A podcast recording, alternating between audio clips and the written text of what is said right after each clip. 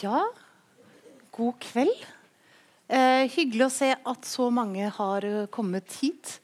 Eh, for å stupe litt ned i en historie om en enkelt eh, familie, en enkelt slekt. Eh, som har eh, gjort inntrykk nå på nye generasjoner av både norske og internasjonale lesere i tiår etter tiår. Vi snakker selvfølgelig om sagaen om isfolket. verket som jo gjorde Margit Sandemo til eh, til et berømt og delvis beryktet navn. Eh, og til å diskutere dette har jeg altså et helt eh, svimlende kompetent eh, panel eh, her oppe på scenen. Det er eh, Sølvi Wærhaug som har skrevet biografi om Margit Santemo, og også er tidligere VG-journalist. Det er forfatter og kritiker Margrethe Lerum, og det er redaktør og fantasyforfatter Tonje Tornes. Uh, og Vi snakket litt om det, at det ville vært egentlig uh, morsomt å se før vi begynner å snakke sammen, hvor mange som har lest Sagaen om isfolket. Så kan ikke alle som har Oi, da var den veldig rask! Du var først! ja. Ja. men dette det er et klar, klart flertall, vil jeg si. Kompetent publikum. Herlig. Um, jeg tenkte rett og slett jeg skulle begynne med å spørre sånn helt om første møte med dette universet. Altså, Når leste dere sagaen om isfolket første gang, og hvilket inntrykk gjorde den på dere da? Eh, jeg leste de første bøkene i sagaen om isfolket når de kom, uh, i 82. Uh, da var jeg 29 år gammel, og det gjorde veldig inntrykk Eh, det var et veldig fascinerende eventyr som Margit fortalte. Og det var veldig spennende. jeg leste de første bøkene, men stoppet så. Og fortsatte å lese serien i sin helhet langt senere. Det hadde med det å gjøre at jeg den gangen jobbet med litteraturstoff i VG. Jeg hadde ansvaret for det. Og jeg hadde så mye som jeg måtte lese, at uh, resten av sagaen om isfolket ble satt litt på vent. Mm. Ja. Den kom vel i 1980. Da var jeg 15 år. og jeg mener å huske at jeg begynte ikke med en gang den kom ut, men i løpet av det året etter at den kom ut. da. Så da var jeg 16 år og gikk på gymnaset og slukte det. Altså, jeg var så heldig at jeg kjente bokhandleren på stedet der vi bodde. Så jeg fikk bøkene da, en par dager før alle andre. og da var det sånn, Jeg gikk gjerne tre ganger ned og spurte om det kom i dag. Kom i dag. Nei, det er tirsdag i dag. Så jeg var veldig veldig ivrig fan. Veldig, veldig ivrig, Helt, helt oppslukt av det. egentlig. Mm. Og veldig interessert i å skrive sjøl. Så for meg så var Margit en kjempeinspirasjon. Samtidig som jeg var omgitt av norsklærere og bibliotekarer og, og, folk som kanskje mente jeg burde skjemmes over å, over å lese sånt. Mm. Mm. Og alle bare mm. ja. ja eh, jeg var 11, og det var i 1987. Eh, Så jeg fikk de bøkene med åttende opplag. Og jeg hadde aldri oppdaget bøkene sjøl. Det var ikke sånn at mine foreldre kom med de, for å si det sånn. Det var mer, du vet, Alle har denne litt frekke venninnen Mm. Så min frekke venninne Rikke, nabojenten, hun kom med de. Og sa hvis det er noe du skal lese i livet, det er dette. Og vi var elleve år, og det var dette vi skulle lese her i livet. liksom. Allerede piket som elleveåringer. Og vi lånte på stol... Nei, ikke på stolbiblioteket, de hadde det ikke. Gud forbi, holdt på å si, Men vi lånte på biblioteket. Og vi begge to eh, lånte den ene dagen fem bøker, og så kom vi tilbake med de fem bøkene dagen etterpå. Og da ble hun bibliotekaren litt sånn hm, Bør jeg ringe hjem til dere? Når har du klart å lese fem bøker dette døgnet? Og da var det med lommelykt under dynen. da. Så jeg ja, klarte ikke å legge de fra meg. Men oppi dette så er det jo det er et stort univers. Det er generasjon på generasjon. Det er, det er massevis av litterære skikkelser. Var det noen av disse bøkene av de 47 bøkene dere husker som gjorde et større inntrykk enn de andre? Altså En som var en favoritt av noe slag, eller som dere kunne tenke dere å trekke frem? Du nikket så veldig, Tonje. Ja, jeg, jeg tenker at du... Eh, det er en bok nummer 25. Oh. Oh ja, du er en av dem? ja, for vi har ulike, vi har ulike Altså, Sagnet om isfolket er jo kvinnenes historie. Selv om Tengel, den onde lagde en forbannelse over slekten sin som gjør at én person i hver generasjon blir rammet. Rammet betyr at den har magiske krefter, men den er også en sterk tilbøyelighet til å være ond. Så det er helt en sånn kamp mot dyret i seg sjøl, det onde i seg sjøl, av de som blir rammet. da. Så er det ofte menn som rammet, men det, ofte, altså det kan være menn eller kvinner. Tula innen bok nummer 25 er blond og blåøyd. Og det som hele tiden var greia med disse som ble rammet, var at du kunne se det på dem etter hvert. De fikk eh, kattegule øyne. Tula fikk aldri det. Men hun var magisk. Så det var helt tilfeldig at jeg kjente meg veldig igjen i Tula. ja, Nei, jeg syns egentlig åpningsscenen er ingenting som slår den. Mm. Uh, den fantastiske scenen der man møter på 1500-tallet denne utslitte, fattige unge Silje som vandrer rundt i pestbefengte Trondheims gater. ikke sant? Ja, Den scenen der og Silje i den situasjonen, det er det som er uh, den store, store greia. Rett og slett åpningsboka. Mm. Hvis jeg skal nevne en til, så måtte det bli den boka der Shira går igjennom alle prøvelsene for å finne det livsens, livsvannet. Den heter vel 'Livsvannet' på noen utgivelser. Dødens hage, eller 'Livsvannet' heter den også, tror jeg, i noen opplag. Og den er flott, for den låner Margit masse flott eksistensielt og filosofisk og, og religiøst, som, som, alltid stoff da, med, med, hva som møter oss, og vi, hvordan vi kan sone. Om vi kanskje møter på veien inn til det evige de som vi har gjort urett, f.eks.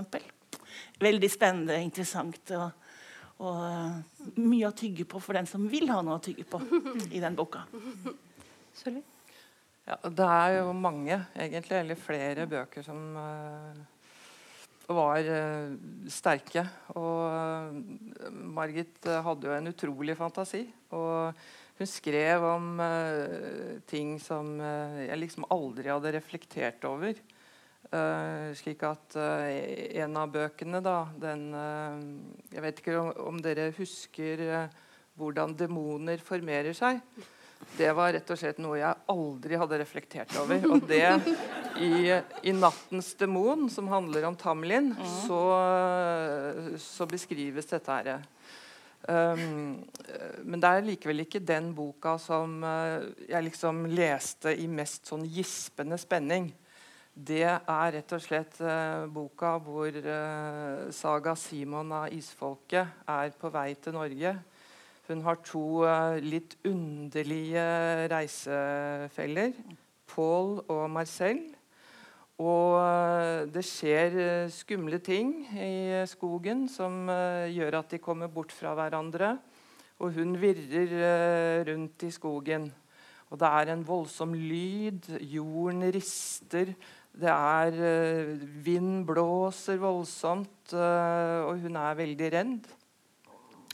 Så revner jorda, og oppstiger altså verdens vakreste mann. Det er Lucifer. Og eh, de blir øyeblikkelig tiltrukket uh, av hverandre og ha, har voldsomme seksuelle orgier ute i Finnskogen. Av alle, av alle steder. Og det er da Det er helt fantastisk. Mm. Ja. Det er det. Eh, så det, altså, det, gjorde et voldsomt inntrykk. Mm. Men jeg hadde sånn Når folk har snakket Finnskogen litt ned i ettertid, så er jeg sånn ja. Men det er, jo, det, det, det er jo der det skjer. um, Altså, eh, Vi har jo så vidt vært inne på det, men det er et premiss her som jeg tenker i dag, En, en som skulle lage en HBO-serie i dag, ville jo gitt sin venstre arm og kanskje høyrefoten også for, for grunnideen i sagaen om isfolket. Så, som altså er dette, Idet man kommer inn i det, så er det jo denne myten som går på at stamfaren til denne slekten har solgt sin sjel til djevelen, og at det er derfor det kommer da en rammet i hver generasjon. Og da, når det da tilsynelatende bare er én familie som overlever denne massakren, så er det deres etterkommere blant dem som dette vil, vil finnes. Eh, og jeg hadde lyst til å eh, spørre deg, Tonje, for du er jo fantasyforfatter selv. Eh, altså, hva tenker du om dette på en måte premisset? Da, dette, dette intrigen som utgangspunktet for en fantasyserie? Ja, så jeg er veldig glad for det Sølvi har gjort, og Margrethe har skrevet utrolig bra artikler om Margit. Altså, at hun nå blir på en måte hauset frem fordi jeg syns at hun er egentlig Norges soleklare fantasydronning. Altså, og sjangeren altså, Det er liksom både det å skrive kiosklitteratur og skrive fantasy til sammen kanskje ikke gjør at du går rett inn i litteraturvitenskap, grunnfagpensum. da. Uh, men for en fancyfatter så er det så genialt laget, alt sammen. Og um, Fantasy-sjangeren har jo hatt litt, sånn, litt problemer med å bli helt anerkjent. Og det har vært mulig hvis man skriver seg opp mot Bibelen. Altså tolken og den slags, da blir man litt anerkjent. Hvis man skriver seg opp mot Bibelen og hyller på en måte Bibelen. Mm. Men Margit skriver seg jo helt klart opp mot Bibelen. Men hyllesten, den, den, den var det kanskje litt uh, Ja, det er ikke så lett å se den, da. Hun hun, sin, hun, lager sin egen mytologi, rett og slett. Hun lager sin egen religion, nesten. Uh, selvfølgelig veldig stummelt for kirkens folk, veldig stummelt for en den gang troende som jeg sjøl var når jeg leste det. altså veldig utfordrende. Men som uh, kunstner så syns jeg det er helt praktfullt, alt sammen. Så jeg er så glad for den anerkjennelsen som skjer nå. Litteraturhuset i Oslo hadde jo også en sånn stor kveld med henne der hun var til stede sjøl. Så jeg tror hun opplevde jeg tror Underveis i livet var det sikkert, det vet du mye mer om, mye angrep fra en del folk i den såkalte eliten. men eh, i slutten så fikk hun den anerkjennelsen jeg absolutt syns hun fortjener. Mm. Jeg tenkte du skulle komme litt tilbake til dette med forhold til de kirkelige. og sånn, men eh, Margrethe, som, du som, selv har skrevet romanserier, altså på hvilken måte har det du har skrevet vært inspirert av sagaen om isfolket? Altså, hva, hva, er det ved den serien som eh, du kunne Inspirert er jo klart det var, men det er mye mer konkret enn som står. For jeg kalte, jeg har alltid kalt Margit for gudmoren min som, som serieforfatter. da. Finn Arnesen, forlagsredaktøren, han var min gudfar. Fordi jeg var veldig ung journalist. Jeg var journalist fast ansatt før jeg var fylt 20 år. Og skulle ut og intervjue Margit Sandemo, som da var på signeringstur på samvirkelaget på Geilo. og alle i redaksjonen visste jo at jeg var kjempebegeistra for henne da. Så jeg dro dit og skulle vel gjøre det på et par timer, og vi ble bare sittende. vet du, Jeg nekta jo å slippe henne. Vi prata og vi prata. Vi prata, vi prata. God kjemi. Og så helt til slutt så begynner jeg å prate om meg sjøl. Det, det, skal jo ikke ordentlige journalister gjøre, men det gjorde jeg da. Og så sier Margit at ja, men du, denne her historien du forteller, du, du, du må bare skrive den. Det er jo plikt, det er din plikt å skrive denne her. Og jeg liksom, ja, ja, sånn. Og så ga han meg en liten lapp da, med et navn på. sånn, ja, den dagen kommer, og da får du ringe han her. her. Han hjelper deg. Ja. Og den dagen kom den, men ikke før veldig mange år etterpå. flere år etterpå. Og da tok jeg fram og tenkte på det og sa, og så begynte jeg å skrive min historie om min slekt. da, Fantasislekta mi. Uh, og ringte denne mannen med, på lappen. Og det endte med at jeg fikk lov å skrive mer og mer. Og mer, og, og dette ble jo virkelig løfter om store utgivelser og greier. Og slik ble livets døtre født. Og jeg visste ikke før etter bok tre cirka, at det var Finn Arnesen, forlagssjefen, som hadde vært denne hyggelige, lille, hyggelige redaktøren som ikke sa så mye, men som oppmuntra meg til å skrive mer. Sant? Det var eh, Margit sin fortjeneste, alt sammen. Mm. Mm. Men, men, hva er det ved premisshendelse? Hvorfor? Fordi det er jo Altså det å skrive en lang bokserie er jo annerledes å skrive en enkeltstående roman. det er annerledes enn å skrive en trilogi. Altså Hva er det ved dette stoffet som gjør at det bærer gjennom hele serien? da? Eller, jeg tror at for meg, som for, jeg tror Margit og jeg var like på at vi så på verket vårt eh, hennes 'Sagaen om isfolken' og 'Min livets støtte'. Vi så egentlig på det som en fortelling. Og at eh, det er mer av praktiske årsaker som måtte deles inn i 250 siders bøker. Da. Det handler om distribusjon. og det er litt sånt, sånt. Men jeg tror nok at både jeg og Margit ser på disse verka som én fortelling. Mm. Én bok. Og da er jeg, ikke, da er jeg ferdig med bok seks til lunsj på tirsdag. Altså, da spiser du lunsj, og så begynner du på bok sju. Det er sånn det er å være serieforfatter. Og, og sånn vet jeg at Margit også holder på. Det var vi, vi, driver ikke og drikker champagne og feirer hvert avslutta manus, liksom. I denne mm. bransjen. Så den der eh, litt hverdagslige, litt sånn husmannsånden som hviler over, og arbeidsdisiplinen, ikke minst, da, som da også har utvist, den, eh, den, jo, den er helt nødvendig. Mm. Og I hennes tilfelle så vil jeg tro at det var nødvendig for henne å skrive av veldig mange årsaker. Mm. Um, jeg eh, husker jo godt Jeg leste også serien begynte på den da jeg var 11. Da, litt sånn som, som Tonje nede sa, at jeg er altfor ungt. Det var sånn, var det det? Jeg aldri tenkt det før. Eh, men jeg husker det at når du da gikk videre til neste bok, så var det jo litt en blanding av Du skal se historien gå videre, men det er jo også en slags forventning der om å få noe som ligner på det du allerede har lest. Altså Det er jo også visse mønstre som går igjen eh, gjennom disse 47 bøkene. Det er visse sånn skikkelser som ligner litt på hverandre. Går det an å si noe om dette? Altså, hva, hva, er forventningene til når man plukker opp en isfolkebok? Da? Hva kan man si at de har til felles som, eh, som enkeltstående fortellinger, som de også er? Det er jo veldig actionfylt uh, historie. Mm. Uh, hun var jo spesialist på å skrive cliffhangere som gjorde at du, du måtte lese neste bok. Og selv om det er hva skal vi si, noe repeterende mønstre som går igjen uh, i uh, bøkene, så er, de, er likevel historiene såpass forskjellige. Da. Settingen er så forskjellig i det miljøet eller, eller uh, tidsepoken som de utspiller seg i, at det blir veldig fascinerende. Mm. Det er vel underdoggens kamp som er hovedtema, hvis en skal sette ett hovedtema. Det er alltid skrevet ut fra en outsider, en som føler seg utenfor, eller er utenfor. Uh, og dens kamp da for selvrespekt og, og, av og til også anerkjennelse fra andre og, og kjærlighet.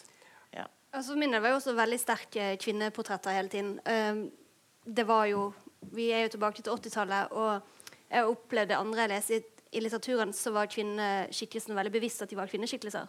på en måte. For det var litt sånn, Nå må kvinner også være med i litteraturen. Mens her var jo det bare Du var rammet, eller du var en del av isfolket, og så var du også tilfeldigvis kvinne. Så det, det var noen his, ja, Kvinnehistoriene i Isfolket var jo virkelig det som trakk meg inn. da. Mm. Men, Men det, er, det, er, jo gjennomgangstema i hele serien. Så er det jo kampen mot ondskapen. Mm. Kampen mot denne her eh, fryktelige forbannelsen som hviler over isfolket, som gjør at uh, en er rammet i hvert uh, slektsledd, da, og som har et veldig, veldig vanskelig liv. Det er det som driver handlingen uh, fremover. Mm. Ja, jeg har også tenkt at, altså, Apropos det du sa i sted, at det er jo hele tiden en litt sånn spenning mot noe litt sånn ustyrlig. Mm. Eh, altså det er på en måte Enten det er det mørke i de rammede eller de trolldomskreftene, eller det er selvfølgelig det seksuelle. At det alltid er den litt sånn at det er eh, faren i det, som selvfølgelig bidrar til å gjøre det desto mer umotståelig hvis man er i eh, rett alder eller eh, sinnstilstand for den slags. Ja, så er det forbannelsen av sin forfar. da. Altså, mm. Det er jo forfaren deres som har forbannet dem. på en måte. Han, mm. han, han man, det er jo slekt skal føle slekters stang, men her er det premisset er at uh, forfaren driter opp i sine etterkommere. mye mer eh, interessert i sin egen makt, så han selger de før de helt tatt er født. Mm. Så det ligger en sånn ekstrem sånn antipati mot sin tidligere gener, som er, som er mm. også veldig fascinerende. Mm. Um, Sølvi, jeg tenkte å spørre deg, du har skrevet, Siden du har skrevet biografien hennes um, altså Det er et stort spørsmål, men hvor var det hun tok det fra? Altså, hva var det i enten livshistorien hennes eller måten hun opplevde uh, verden på, som gjorde Sandemo til den forfatteren som skrev uh, 'Sagaen om misfolket'? Ja, det, det, kan være et langt svar på det, men jeg kan prøve å gjøre det litt kort. Men uh, hun, uh, hun, Margit strevde veldig med å finne sin uttrykksform, så hun prøvde seg mange uh, kunstarter. da. Mm. Uh, og så, når hun var snart Hun debuterte når hun var 40 år. Og eh, da oppdaget hun plutselig at det var å skrive som var hennes form. Og da bare rant det ut.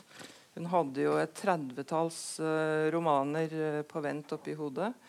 Og hun debuterte jo i Norsk Ukeblad. Og Margits historier ble oppfattet som veldig friske, morsomme, actionfylte, moderne. Hun hadde moderne heltinner som tenkte sjøl. Og de satt ikke på, uh, passive på herregårder og slott i Storbritannia, uh, som man gjerne leste om i ukebladene den gangen. Hun ble kjempepopulær i ukebladene, og tidlig på 70-tallet så slo hun gjennom i hele Norden. slik mhm. at når hun kom med sagaen om isfolket, så var Margit allerede Nordens, en av de aller mest leste forfatterne. Uh, hun uh, fortalte jo at uh, hun fikk hele ideen til sagaen når hun så et kirkemaleri som Albertus Pictor laget på 1400-tallet i en, en, kirke i Småland av en djevel som står bak en kvinne som kjerner smør. Og I løpet av ganske kort tid så hadde hun handlingen i hele Sol saga, som er de tre første bøkene. da. Og hun var jo inspirert selvfølgelig av at hun vokste opp midt i eventyret i Valdres. Med, med hvor Huldra levde, og faren var en fantastisk historieforteller og kulturpersonlighet. Hun vokste opp også hos morens adelsfamilie i Sverige med slott og herregårder og mystiske ting som skjulte seg i veggene der. Hun var veldig belest. Hun leste Shakespeare som barn og ble syntes spøkelsene i Hamlet var uh, fantastisk uh, skumle. Hun leste kriminallitteratur. Hun var inspirert av ting som har skjedd i sitt eget liv. Blant annet så, uh, som sikkert alle her vet, så ble jo Margit uh, brutalt voldtatt og mishandlet som barn. Det var selvfølgelig med på å forme det hun jobbet med, og måten hun så verden på. hun var inspirert av eventyr. Uh, F.eks. så var da Eh, Kvitebjørn kong Valemon, en av de eventyrene som hun eh, var ganske opptatt av. Uh, og det handler jo om en kongsdatter som flytter sammen med en bjørn. Som om natten forvandler seg Han er rammet av en forbannelse. Han, så om natten så blir han mann, og om dagen så blir han bjørn igjen. Og hun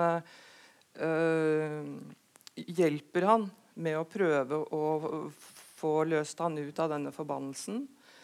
Og dette eventyret foreligger jo i mange varianter. Uh, og Disney har jo bl.a. laget uh, 'Skjønnheten og udyret', uh, tegnefilmen mm. basert på, på denne historien. og så hentet hun masse fra mytisk stoff. Da, og hun har lånt og blitt inspirert av masse stoff fra Bibelen. da. Mm. Ja, jeg har lyst til å påpeke noe fordi Det er jo noen forskere som har forsket på eh, Sandemo. Mm. og En av dem, Cecilie Naper, har jo skrevet at det er mellom en del bøker i Sagaen og Isfolket og en del eh, altså annen litteratur som kanskje var mer bokklubblitteratur, mer sånn, så er det ganske tydelige plottlikheter. Mm. Eh, altså Hvis du ser på bøker som har kvinnelig hovedperson, eh, som foregår i Norge, men i historisk tid, og som har en kjærlighetshistorie som står sentralt, der det er en kvinne som på en måte når inn til en vanskelig mann og liksom åpner eller frelser ham gjennom sin kjærlighet. Dette er jo på en måte trollbundet. Det er også Dinas bok. Det er Kransen. Mm. Eh, det er veldig mange romaner som, som følger en noenlunde eh, slik utvikling. Hvorfor virker det så sterkt, sånne typer historier? Og særlig denne som du sier, dette med å på en måte hjelpe monsteret eller dyret eller, eh, dem, eh, eller udyret og og, som du sier, løse, det, løse sine knuter. Da. Men vi har jo alle, vi, alle mennesker sliter jo med uh, å kjempe mot det dyreste i oss. Vi er jo mm. faktisk pattedyr. Så vi har jo alle onde sider som vi hele tiden daglig prøver å skyve ned. Eller ikke. Av og til ikke. uh, så det er jo liksom det at den, den siden, det med å liksom gjøre det så konkret at mine onde sider Hvis jeg bare tenker hardt nok på den personen og virkelig hater han, så kan han dø. Eh, når, det blir en realitet, så må jo du kjempe mot den greien. Sant? Så uh, det, akkurat det med ondskapen og at det er hele tiden en, en, kamp inni oss alle, det tror jeg er en grunn til at fantasy står så sterkt. fordi at den tar det ut i, i en allusjon. da. Men uh, kjærligheten er jo også da, sånn, vi har jo, Kulturen vår lærer vi jo at kjærligheten skal frelse oss. Og i Sagan Isvold har jo også det omvendte, at, at hun er hun sliter med det onde, og mannen kommer inn og frelser. Nevnte Tula for eksempel, har jo da en mann som eh, frelser, eller prøver å frelse med sin kjærlighet. Så det, Der er det begge sider av det. Men eh, vi har jo veldig tro på at det er det vi har sammen, vi mennesker. Jeg leser litt maler på, men leste en veldig veldig kjip artikkel om at en forsker sa at det er ikke kjærligheten som binder oss, som jeg alltid har tenkt er det som binder oss, det er frykten. Det er det som er felles, det er det som er felles for mennesker vi er redde. Da blir det sånn Nei, nei. Sant? Vi trenger disse bøkene som sier nei. Det er kjærligheten. det er det som er lyset, ikke frykten. Og hun, hun, spiller veldig opp under det. Kjærligheten mm. er lyset, lyse hos oss mennesker. Mm. At vi kan elske hverandre. Jeg hadde også lyst til å plukke opp noe det du sa, Sølvi. Du sa at hun hadde opplevd et voldsomt øh, overgrep. På hvilken måte se, kan man se det i det hun skrev? Altså På hvilken måte preget det henne som forfatter? At hun, uh, Margit var en foregangskvinne på veldig mange områder. Uh, og hun skrev om eh, voldtekt, seksuelt misbrukt, barn som blir eh, mishandlet i sagaen om isfolket. Ingen visste når hun skrev det, at hun hadde vært utsatt for dette selv. Men uh, i den siste boken som kom, i 89, så skriver hun om sin egen historie. Og uh, veldig mange kjente seg igjen altså i Margits historier. De som hadde vært utsatt for noe av det samme som henne. Og de følte at hun skrev om dem. Og på den måten så bandt Margit leserne veldig tett til seg. Hun stilte alltid opp for dem. Hun fikk veldig, veldig mange brev fra, fra lesere som uh, hadde denne tunge børen å bære på. Og Margit sto fram med sin historie i en tid hvor det ikke var vanlig at kjente personer fortalte om voldtekt. Hun fortalte også om ø, psykiske vanskeligheter. At hun har vært innlagt på psykiatrisk ø, avdeling flere ganger. Hun fortalte om sine Hun mente hun hadde overnaturlige evner, paranormale evner. Og dette var tabubelagte temaer som eh, Margit uh, bidro til å trekke inn i samfunnsdebatten. Og det gjorde at det ble litt lettere å snakke om det, mm. rett og slett. Mm. Jeg tror at sagaen om isfolket for mange ble et veldig konkret tilfluktssted.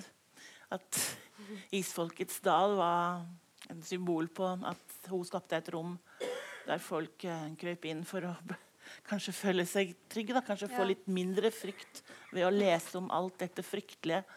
Så kan man faktisk kvitte seg med frykt. Det er jo det, er jo det mange forteller at de har opplevd disse bøkene.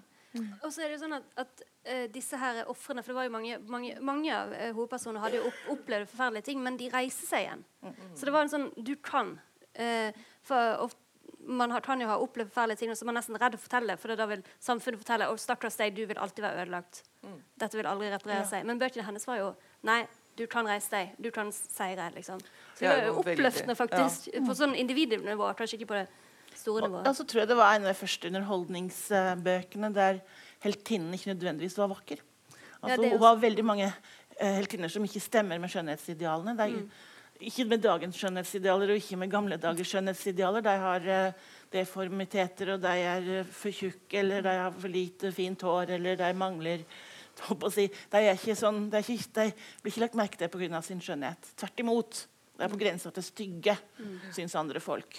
Og det òg var helt nytt tror jeg, for veldig mange lesere, og gjorde helt sikkert mye med, med folk. Ja. Jeg, jeg syns egentlig det var litt kjedelig jeg, i første at, at disse heltinnene ikke var så pene. fordi det, det, var litt av den drømmegreia som jeg syns var fin. da. Mm. Men etter hvert så satte jeg mer og mer pris på disse heltinnene som da slapp å være så forbaskede pene hele tiden. Var ikke det, var ikke det ja. Ylva, Ylva, som ble kalt Tistel? Hun ble kalt Tistel, ja. kalt tistel av lokalsamfunnet. Ja. Da er du liksom ikke helt rosen, på en måte.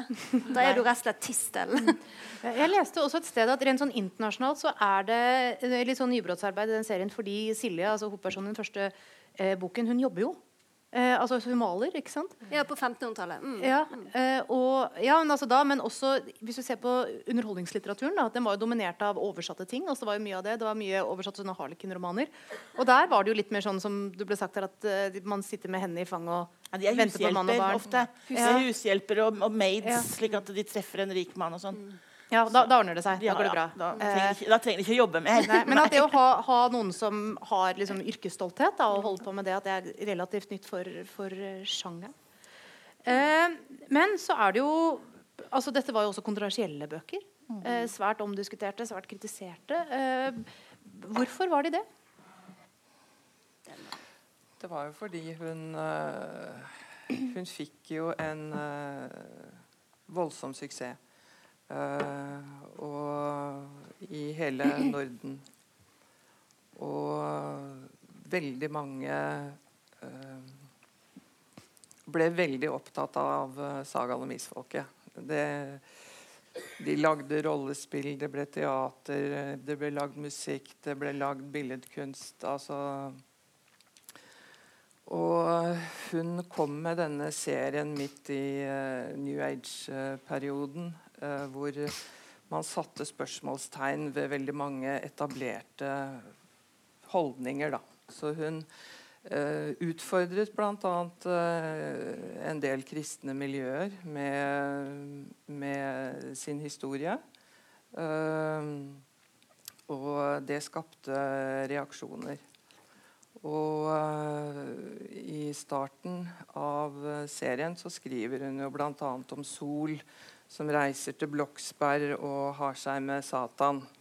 Uh, og det, jo, det, skjedde jo veldig alvorlig kriminalitet uh, sånn senere i satanistiske kretser.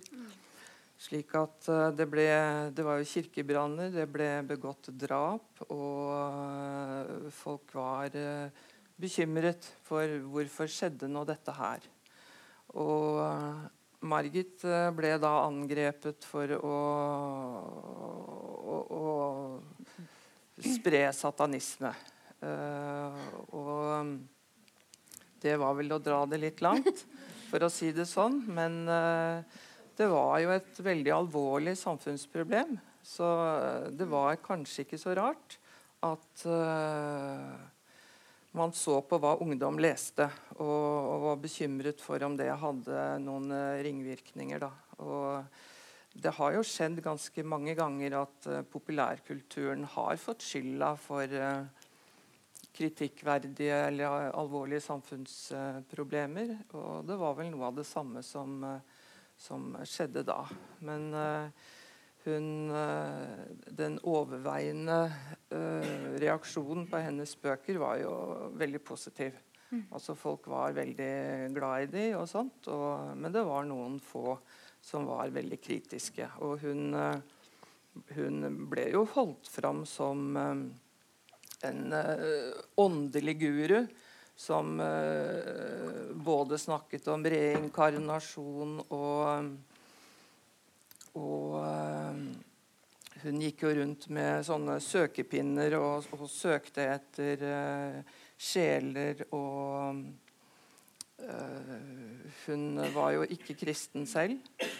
Så de var bekymret for at hennes tankegods, tror jeg, skulle få fotfeste. da. Mm. Men man kunne jo, Nå vet ikke jeg hvor mange av disse som altså Jeg var jo så ung så jeg fulgte ikke med på den Du var akkurat passe, Tonje. Okay. Jeg fulgte ikke med på den offentlige debatten rundt isfolket. Det kom jo flere år etterpå at jeg fikk noe av det med meg. Men jeg lurer jo litt på disse uh, uh, kirkelige som angrep henne, om de hadde lest. For det, det finnes, Jeg husker ikke helt hvilken bok det er, men det er på slutten, før det store slaget. De skal slåss mot sin stamfar. De skal prøve å hindre han i å vinne. Da møtes de alle igjen. Mm. Og det, Hvis det er noe som er et uh, bilde på himmelen, så er jo det møtet at hver, alle i isfolkslekten møtes. Mm. Den fra 1500-tallet, den fra 1700-tallet, den fra 1800-tallet. Alle møtes i en stor hall. Og gjensynsgleden er så stor. Og jeg husker jeg sjøl sa at uh, uh, sånn må himmelen være. liksom. Så du, altså Fantasy kan lese på så mange måter, men de ville, de ville jo vranglese henne en del, syns jeg. Nei, Jeg veit ikke. Jeg var sjøl i debatt. Det var jo mye debattert og i media. og det var bl.a. i den berømte debatten med Romarheim og biskoper som jo gikk ut og advarte kristne mot å lese det i hele tatt. Og selv om jeg ikke er enig med deg, så kan jeg godt forstå deg. Fordi det er altså Man kan, man kan påstå den påstanden at veldig mange av Margit Margit har ikke lesere. Margit har en menighet.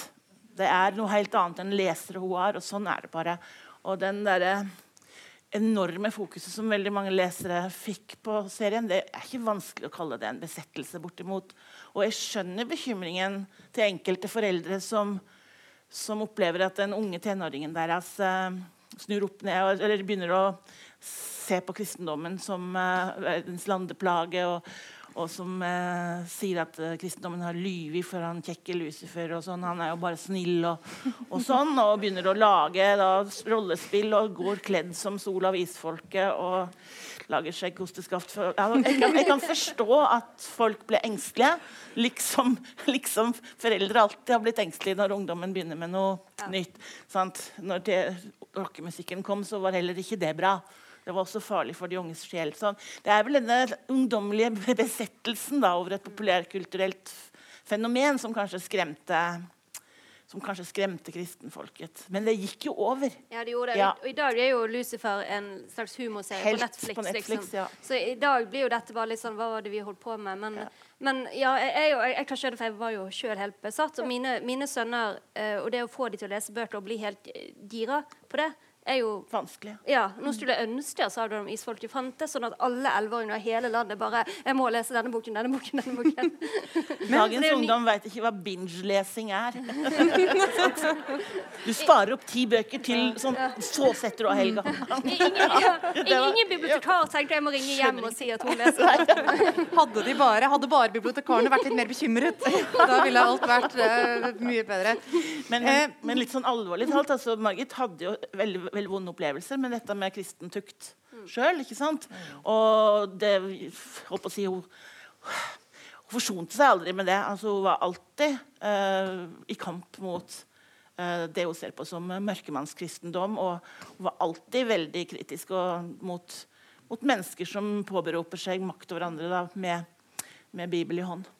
Ja. Eh, Tonje, hvordan var det med kristen bakgrunn og så komme inn i denne verden her? Hvordan var det?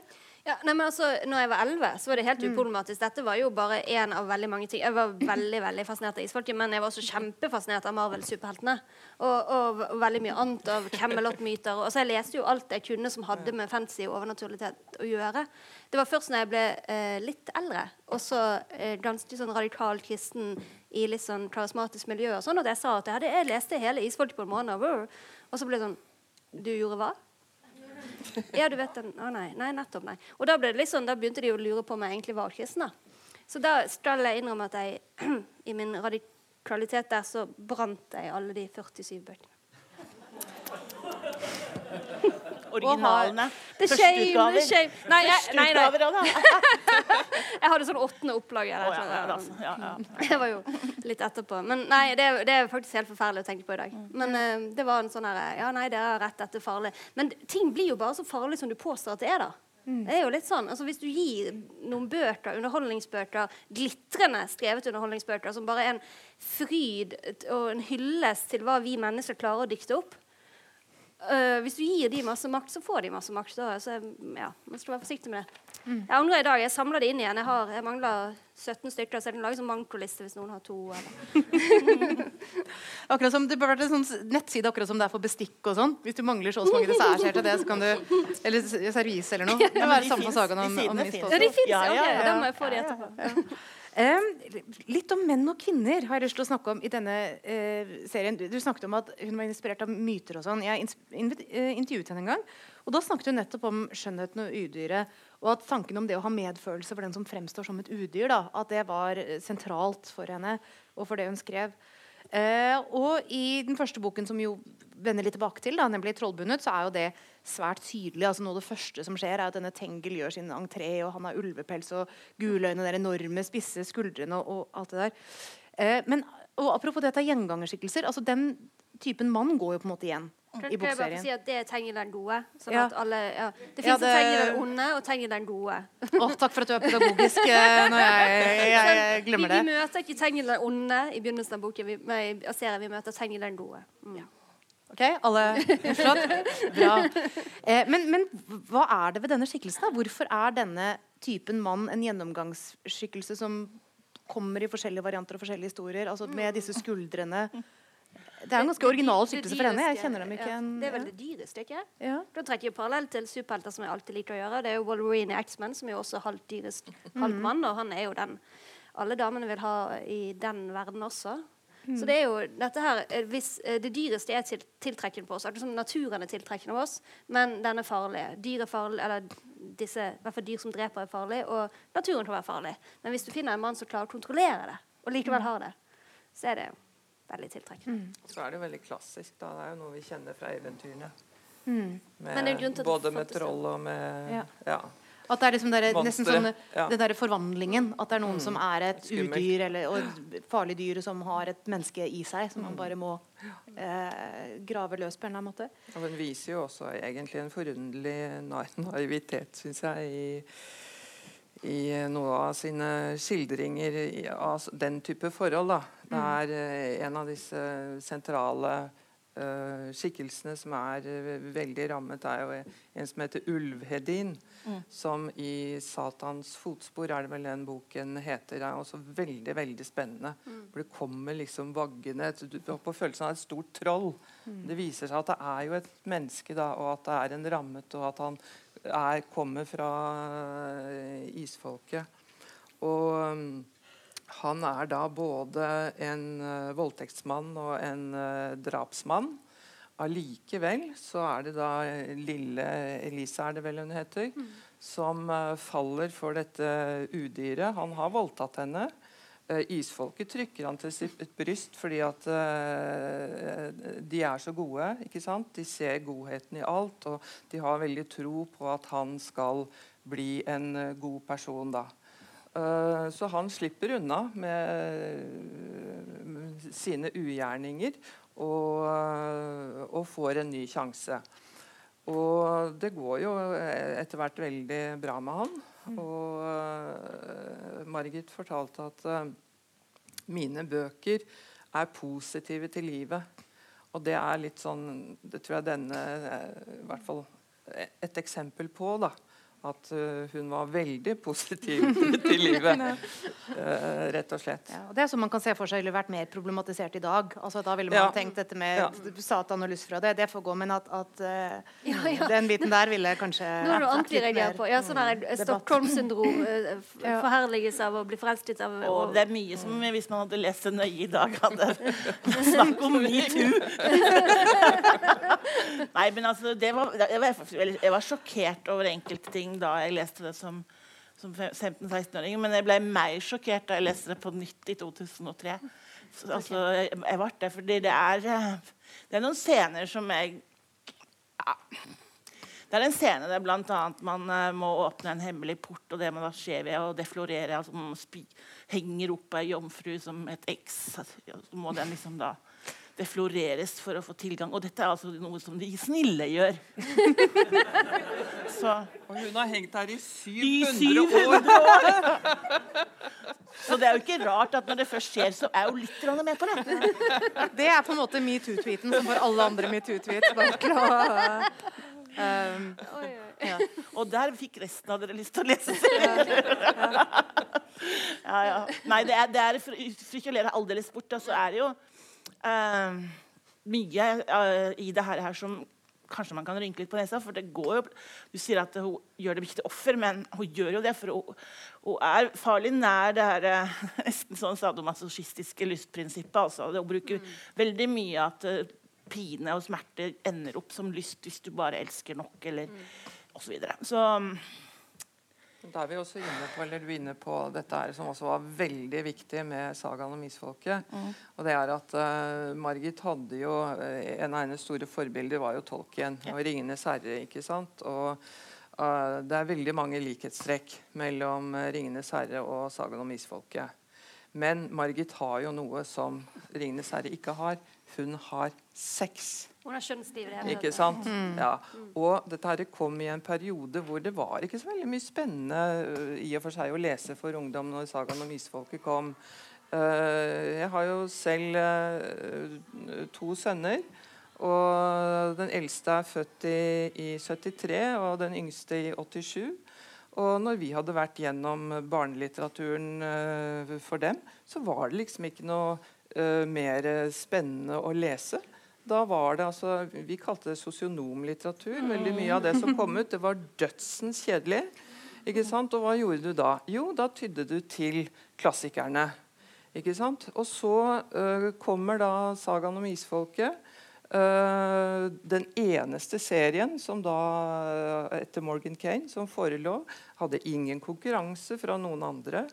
Uh, bortsett fra kanskje når det gjelder sex og, og, og, og spenning. altså Uh, uh, Hulebjørns klan, ja. Mm. ikke sant? som tenåringer uh, elsket og, og, leste i veldig stor grad. Mm. men altså, du som hadde, jeg tenker Da du researchet biografien din, og det, hun sa jo flere ganger at hun syntes det var vanskelig å skrive om sex i begynnelsen. Og det var liksom eh, forlaget som veldig oppmuntret til det. Og så kom hun liksom veldig i siget, og så var det de som måtte bremse henne etter hvert. fordi de syntes det ble, eh, litt voldsomt.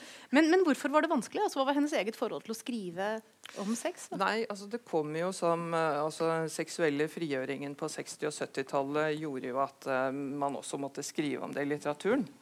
Uh, og det var et krav om at det måtte være sex i sagaen om isfolket. For Margit var dette veldig, veldig vanskelig. Hun uh, Den andre voldtektsmannen som, uh, som voldtok henne, han skadet henne i underlivet med et stemjern.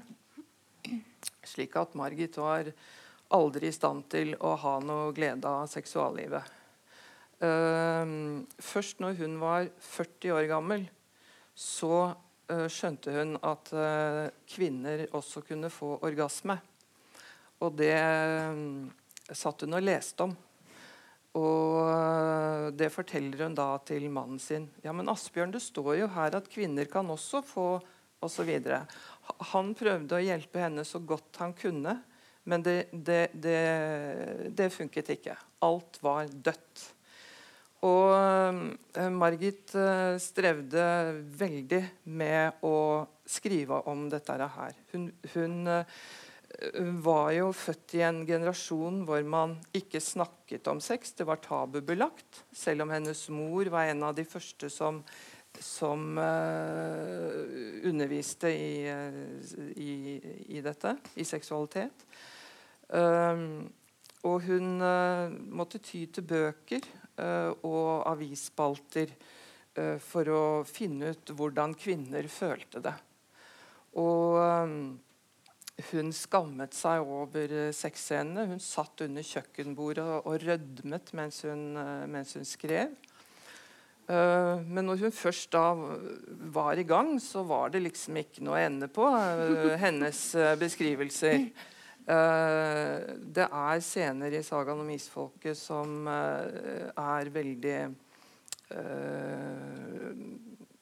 Det er veldig uvanlig sex. Det er med demoner og djevler og hekser og gjengangere og, og, og, og dette trodde jo forlaget da, at leserne ville synes var for mye av det gode. Men uh, det behøvde de altså ikke å bekymre seg for.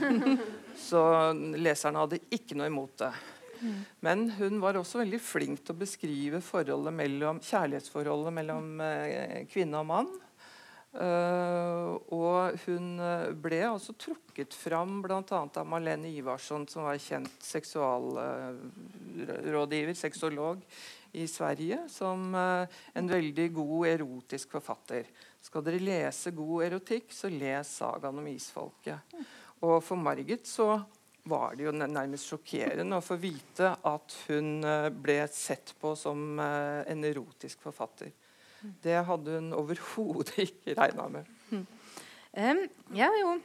Apropos dette med hva som er riktig eller ikke riktig alder. da, uh, Tonje, Jeg har tenkt at det er fint å lese Sagaen om isfolket i en alder der man selv driver og oppdager saker og ting. For man får jo i hvert fall en veldig fordomsfri følgesvenn gjennom det der. Og du Tonje, du har jo skrevet i antologien Rosa prosa, som du var redaktør for, mm. eh, om hva sagaen om isfolket betydde for deg nettopp altså i, i, dette, i så henseende, pga. skildringen av det seksuelle.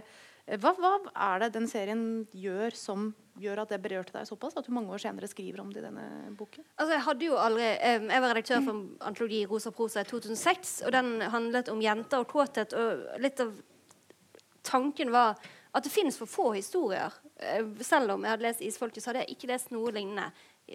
Litt lignende andre serieromaner, men det, det var liksom litt begrenset hvor du fant det. da.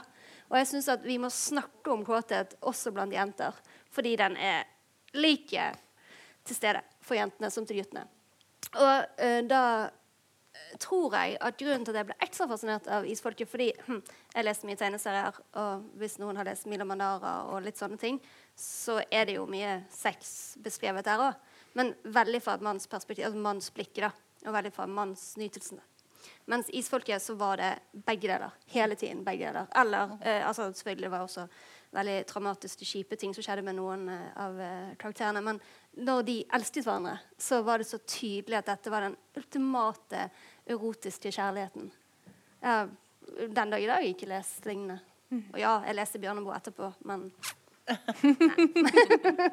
det var også mannsblikket. Jeg, var, var så, jeg, var så, jeg, visste jo ikke det da som 11-12-åring, men det var så befriende. For lysten var så ja, Jeg kan bruke ordet likestilt. Mm. Si. Selv om jeg skjønner hva du sier, litt, at det var litt salmachistisk inni det. Men sånn Villemo altså Det var en del av disse karakterene som var så elsket sin partner så høyt, og det var så eh, befriende å lese om. altså. Mm. Mm. Og I dagens pornofiserte verden så er jo dette egentlig noe som skulle vært pensum. mm. um, liksom, hva, hva, tror dere Margit Sandemo har betydd for nordmenns lesevaner? Altså bare det at, at, lesingen holdes i gang parallelt med de andre tingene man gjør, eller de andre fortellingene man kan ta inn. Ja, veldig mye. Ja. Og hun ble jo hedret av kongen på tampen av sitt liv for uh, å ha spredd uh, leselyst og leseglede. Og um, hun uh, fikk veldig mange til å begynne å lese. Folk som slet med dysleksi og, og andre ting. Slik at hun hun var veldig, veldig viktig der. Og hun ga folk mye mer enn en spennende historie. Hun hun ga dem også på mange måter veiledning i livet. Bøkene hennes var veldig positive til eh, livet og hjalp veldig mange med å klare vanskelige livssituasjoner som de var eh, oppi. Og eh, han Harald Haugen, veldig kjent bokhandler som startet Haugen Bok, han solgte jo kolossal mengder med sagaen om isfolket. Og han merket seg, for han førte kartotek, at uh, han solgte jo for mange millioner når denne innbundne røde serien kom i løpet av et år. Nå husker jeg ikke tallet. Men uh, han merket seg da at flere av de, de, som kjøpte den, kom tilbake og bestilte annen litteratur over 50% kom tilbake. Da bestilte de Hamsun, og de bestilte Undset og, og, og, sikkert også annen underholdningslitteratur. Da. Mhm. Men uh, det er klart at hun, uh, hun ga dem uh, lysten på å lese. Mm. Ja, det er klart at Hvis du har vent deg til å, at de beste timene på døgnet ditt, de du ser fram til, det er disse timene med denne boka som da kommer med jevne mellomrom, og du gleder deg vilt neste gang. Etter 47 bøker så har du skapt en vane. Ja, og da, det, det, det, er sånn det er. Så det er klart, og Dessuten så tror jeg timingen hadde mye å si. fordi at eh, Se for dere at det ikke hadde kommet noen isfolker. da. Det, det sammenfaller jo med at plutselig så ble videomaskinen eh, mer eller mindre alle man sier, Vi kunne se film hjemme hos oss sjøl. Eh, og parabolantennene begynte å tyte ut på velstandsvortehusene våre. Så Margit kom jo akkurat i tide som en motbølge mot den enorme visuelle populærkulturen som da plutselig liksom falt inn over Norge. Så det er vanskelig å si altså, hva ville skjedd med med den generasjonen La oss, la oss kalle det din. da. Eller, ja. altså, det, er ikke sikkert at uh, så mange hadde blitt leseglade folk. Og dermed heller ikke sikkert at de hadde fått barn som er leseglade. Så vi, vi, vi, kan ikke ta noe for gitt, men jeg er ikke i tvil om at uh, ja, Vi snakker vel om en 300 000 lesere ca. Var det ikke det man fant ut i Norge? Det er klart at det, det at 300 000 folk har en fast lesevane, det er det er ikke til å se bort ifra det. Mm. Det, det, er veldig stort, det. Og det er gjerne også folk som kanskje ikke har hatt selvtillit til å gå inn på en bokhandel, eller altså, som føler at de ikke har greie på ting, eller leser ikke bra nok, eller har ikke lest de store, kan ikke snakke om litteratur. Altså, det er gjerne sånne folk som syns det er lettere å ta med seg eh, en bok fra bensinstasjonen, eller, eller der den er tilgjengelig på en mer uhøytidelig måte. Så Altså, vi blir jo stolte over norsk. Altså, hun har jo også en, har en hyllest av Norge og Skandinavia, men Norge også. Og ikke minst det første gang du sa, du sa Huldra. Altså, første gang jeg leste om Huldra. Og nå har, skrev jeg da har vært en bok som heter Hulder. Altså, og det var jo Isfolket. Og jeg leste første gang med Mare. Og det var jo en slags sånn voldtekt av en sånn kjip mann. At han fikk sånn mare på besøk om natten. Og da hadde ikke han det så veldig gøy. Um, og det fortjente han, for å være helt ærlig.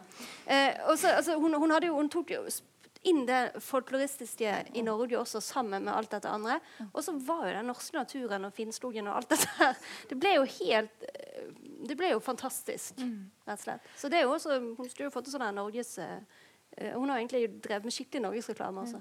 Men eh, litt sånn i tillegg, eh, apropos det, egentlig. Jeg har også, også tenkt at eh, Sandemo og andre serieforfattere har jo også gjort en innsats for å formidle norsk og skandinavisk historie. Ja. Eh, fordi det er jo historiske altså Kristian 4. opptrer. Eh, altså Det er jo historiske skikkelser som går uh, ut og inn av disse bøkene. Jeg vet ikke om dere har noen tanker om det? altså Hvilken rolle uh, hun har betydd for, det, for kjennskap til uh, Margit var aldri opptatt av at det skulle være så historisk korrekt. Hun ble nesten irritert hvis journalister hadde begynt å mase om det. Og det, det skjønner jeg, for det, var, det, det er jo først og fremst en innmari god fortelling. Men blir revet Navnet. Silje fantes ikke på 1500-tallet. Nei, og det var jo litt sånn Det er mange ting som som, Men det, det, det, det blir jo veldig feil å skulle henge seg opp i det. da. Dette er jo ikke en historiebøker. Det er jo ikke det. Og det, andre seriefattere har vel vært mer satt mer sin eh, stolthet i at det skal være korrekt, og kanskje hatt et større pedagogisk eh, bak, bakenforliggende motiver. Jeg eksempel hadde det, men, eh, men eh, Margit sine bøker tror jeg man kan lese om det der, nemlig den gode historien. La den få lov å være den gode historien. Da. Det, er ikke, det er ikke historiebøker, dette her. Men likevel så lærte man noe om krig, da, om man ville det eller ikke. Fordi at Ja. Jeg satt jo liksom plutselig på stolbenken og visste noe om eh, 30-årskrigen. og ditt og datt, og sånn, Ja. Fordi det hadde vært med i hennes bøker. Og Ja. Så kunne briljere litt. Ja. Og selv om det er uh, feilskjær der, så er det også mye som er korrekt. Og jeg husker at jeg leste en bok som en dansk historiker hadde skrevet om Kristian 4. Så tenkte jeg hvor har jeg lest mm, om dette, og Ja, ja. veldig mye bedre? jo, i sagaen om isfolket. Og der hadde jo Margit ikke sant? eh, Hun var jo veldig opptatt av at hun var eh, hadde, kom fra en gammel adelsfamilie og, og bl.a. familien Oksenskjerna og, og, og sånt. Og der hadde jo hun sin familiehistorie. Hun hadde jo veldig mye, mange kilder å, å øse av. Og hun skrev jo seg selv og familien sin inn i sagaen om isfolket.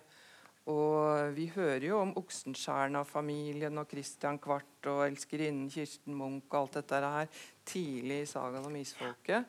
Og hun følger jo flere av disse uh, i, i bøkene. Og så dukker hun plutselig opp selv. Jeg tror det er bok nummer 43. Jeg heter Margit Sandemo, og jeg bor i Valdres. Og, og så eh, får vi jo da historien om, eh, om henne også, at eh, hun er en del av eh, denne familien. Og så begynner du å lure, da. Hva er sant, og hva er fantasy i dette her? Men I den siste boka forklarer hun jo litt. fast, Da. ja, det er et fascinerende grep. Ja, da. Ja. Det er, jo, det er jo et artig grep, for så vidt. Altså, I og med at Margit trodde jo på sjelevandring og på flere fødsler og flere liv. Sant? Så hun åpner vel for muligheten til at noe av, stor, at noe av Saga om isfolket er selvbiografisk. Eller hva man skal kalle det. Det har jo alltid identifisert seg veldig tett på enkelte av, av hovedpersonene sine. Det er jo Um, vi nærmer oss slutten her. Egentlig så er vi på slutten, men jeg tenkte bare skulle ta en ørliten volte til. fordi uh, ja, Nå har vi jo snakket litt sånn overgripende om, om sagaen om isfolket og hva som går igjen der. Men ja, det ble jo nevnt her i sted det med at de tre første bøkene på en måte er Sols historie. Og, og jeg får inntrykk av at når folk trekker frem en historie som er litt annerledes i Sagaen om isfolket fra sagaen, så er det ofte den boken om Sol da, som nesten er en slags road movie, mer enn det er en sånn eh, konvensjonelt eh, kjærlighetsplott. da. Eh, og jeg har også tenkt at, at hennes skikkelse er ganske interessant og original fordi hun har egentlig alle kjennetegnene til en på en måte heltinne i de bøkene, men hun rett og slett finner aldri noen som matcher henne. går til grunne, mer eller mindre. Går til grunne. Altså, hva, det er et svært spørsmål, men hva skal vi si om Sol? Jeg føler at Hun liksom setter en sånn tone i denne serien. Det er mye trekk i denne eh, eh, serien som kan spores tilbake til henne. Hvorfor er hun så viktig? Man kan jo sammenligne litt med George Martin at etter bok én i, um, i hans uh, saga, så, så dør jo hovedpersonen. Så dør jo Ned Stark, liksom. Og da skjønner du at nå kan alt skje. Vi har fulgt en hovedperson, han er god, han er rettferdig, han gjør riktige ting, og så dør han. Og det er litt sånn når hun setter det statement i tre første bøkene med Sol, som blir destruktive, som aldri klarer å finne den kjærligheten, og som ender opp med nesten liksom å ofre seg sjøl for slekten, så, så, blir det sånn OK, nå kan alt skje. Og det blir jo mm. verdt å hit me, liksom. Mm. Uh, så det var jo ja, Jeg hadde aldri lest om en sånn type kvinne noen gang, nesten før eller siden, egentlig. Mm. Den gjentok seg litt i Saga, men det var aldri så brennende som sol. Så legger hun litt premissene for den videre handlingen også, med den uh, skikkelsen, da. Uh, I og med at hun er jo både snill og god, og så er hun temmelig fæl. Hun er jo også en morder. Uh, og så hun blir jo dømt til bålet. men hun forteller jo der i denne skikkelsen om hvor ille det kan gå. Mm. Altså mm. Og at flere av de uh, rammede som hun skriver om senere i serien, da uh, strides mellom uh, både ondskapen og, og, det å prøve å være et ordentlig menneske. Ja, for Det var viktig for resten av slekten å hele for, tiden få den rammede over på den gode siden. Hvis ikke mm. så ville den bli en av Tengel den onde soldater. Så det var liksom hele tiden hver rammed må vi prøve for god. Det var prosjektet. Derfor også litt tilgivelse overfor han Ulvehed. For hvis de straffet han, så ville han bare bli ondere. på en måte. Ja. Mm. Så det er liksom, på en måte kan du si at det er, hun, det er litt sånn Sagan misfolket på sitt mest barokke inni samme person. Da, for det er det veldig ja. lyse og det veldig mørke. Ja. Og, og, og, i den boken så er det inni én, og da er det egentlig ingen annen som kan stå ved siden av henne. Ja, så, du vant at, at, at, og så er du vant til, jeg var vant til at den barokke personen var en mann. da. Mm. Men uh, Sardan Isfolket åpner med at Tengen den gode har fått kontroll over sin rammenhet, og han er god, og han klarer ting. Og så kommer hans niese, og hun er crazy og klarer ikke dette uh, helt. da. Prøver, mm. men klarer ikke. Så det var nytt for meg. Begynner med lys og mørke. Vi slutter med lys og mørke. Eh, lyst her inne, mørkt utenfor. Vi skal eh, sende dere ut i, i kvelden. Eh, jeg skal først bare gjøre oppmerksom på at eh, Sølvis bok om eh, Margit Sandemo ligger der nede og finnes i bokhandelen. og Hvis noen har lyst på den, hvis noen til og med har eh, lyst på den med en liten krusedull på, så er jeg sikker på at det kan la seg ordne. Eh, men for meg tror jeg da bare det gjenstår å si tusen takk til eh, mitt særs eh, reflekterte og taleføre panel. Og tusen takk til dere alle som tok turen innom i kveld. Takk.